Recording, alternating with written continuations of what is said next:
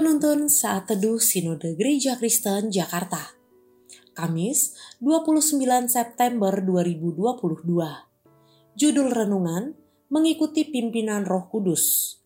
Diambil dari Nats Kisah Para Rasul 13 ayat 4-12 Saulus dan Barnabas di Pulau Siprus Oleh karena disuruh roh kudus, Barnabas dan Saulus berangkat ke Seleukia dan dari situ mereka berlayar ke Siprus. Setiba di Salamis, mereka memberitakan firman Allah di dalam rumah-rumah ibadat orang Yahudi. Dan Yohanes menyertai mereka sebagai pembantu mereka. Mereka mengelilingi seluruh pulau itu sampai ke Pafos. Di situ mereka bertemu dengan seorang Yahudi bernama Bar Yesus. Ia seorang tukang sihir dan nabi palsu ia adalah kawan gubernur pulau itu, Sergius Paulus, yang adalah orang cerdas. Gubernur itu memanggil Barnabas dan Saulus karena ia ingin mendengar firman Allah. Tetapi Elimas, demikianlah namanya dalam bahasa Yunani, tukang sihir itu, menghalang-halangi mereka dan berusaha membelokkan gubernur itu dari imannya.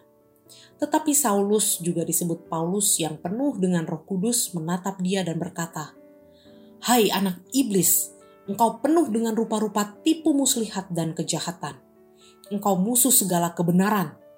Tidakkah engkau akan berhenti membelokkan jalan Tuhan yang lurus itu?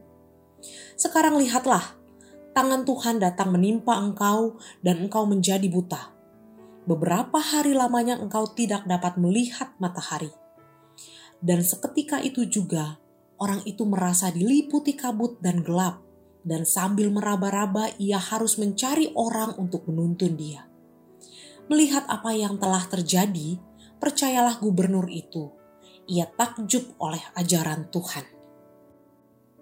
Salah satu penekanan penting dalam perenungan saat teduh sepanjang minggu ini adalah bahwa sebagai utusan Kristus, kita harus meminta pimpinan Roh Kudus, sebab kita sangat membutuhkan Roh Kudus untuk memimpin kita kepada orang-orang yang akan dituai baginya dalam pemberitaan Injil.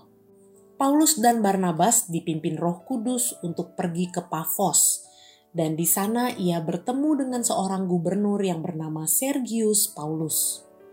Gubernur itu memanggil Paulus dan Barnabas karena ingin mendengarkan firman Allah bukan hanya bertemu dengan gubernur, mereka juga bertemu seorang tukang sihir dan nabi palsu yang menghalangi mereka, serta berusaha membelokkan gubernur itu dari imannya. Apa yang dilakukan Paulus?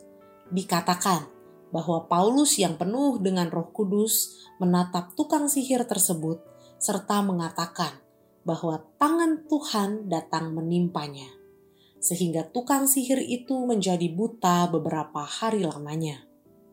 Melihat apa yang terjadi, gubernur menjadi percaya. Roh Kudus yang memimpin Paulus dan Barnabas, Roh Kudus yang sama juga akan memimpin kita untuk pergi memberitakan Injil. Jangan mengandalkan hikmat dan kepintaran kita, tetapi andalkan Roh Kudus. Belajar untuk peka akan pimpinan Roh Kudus dengan terus memiliki relasi yang intim dalam persekutuan dengan Tuhan kita. Biarkan Roh Kudus yang memimpin kita ke mana kita akan pergi memberitakan Injil. Amin. Terpujilah nama Tuhan.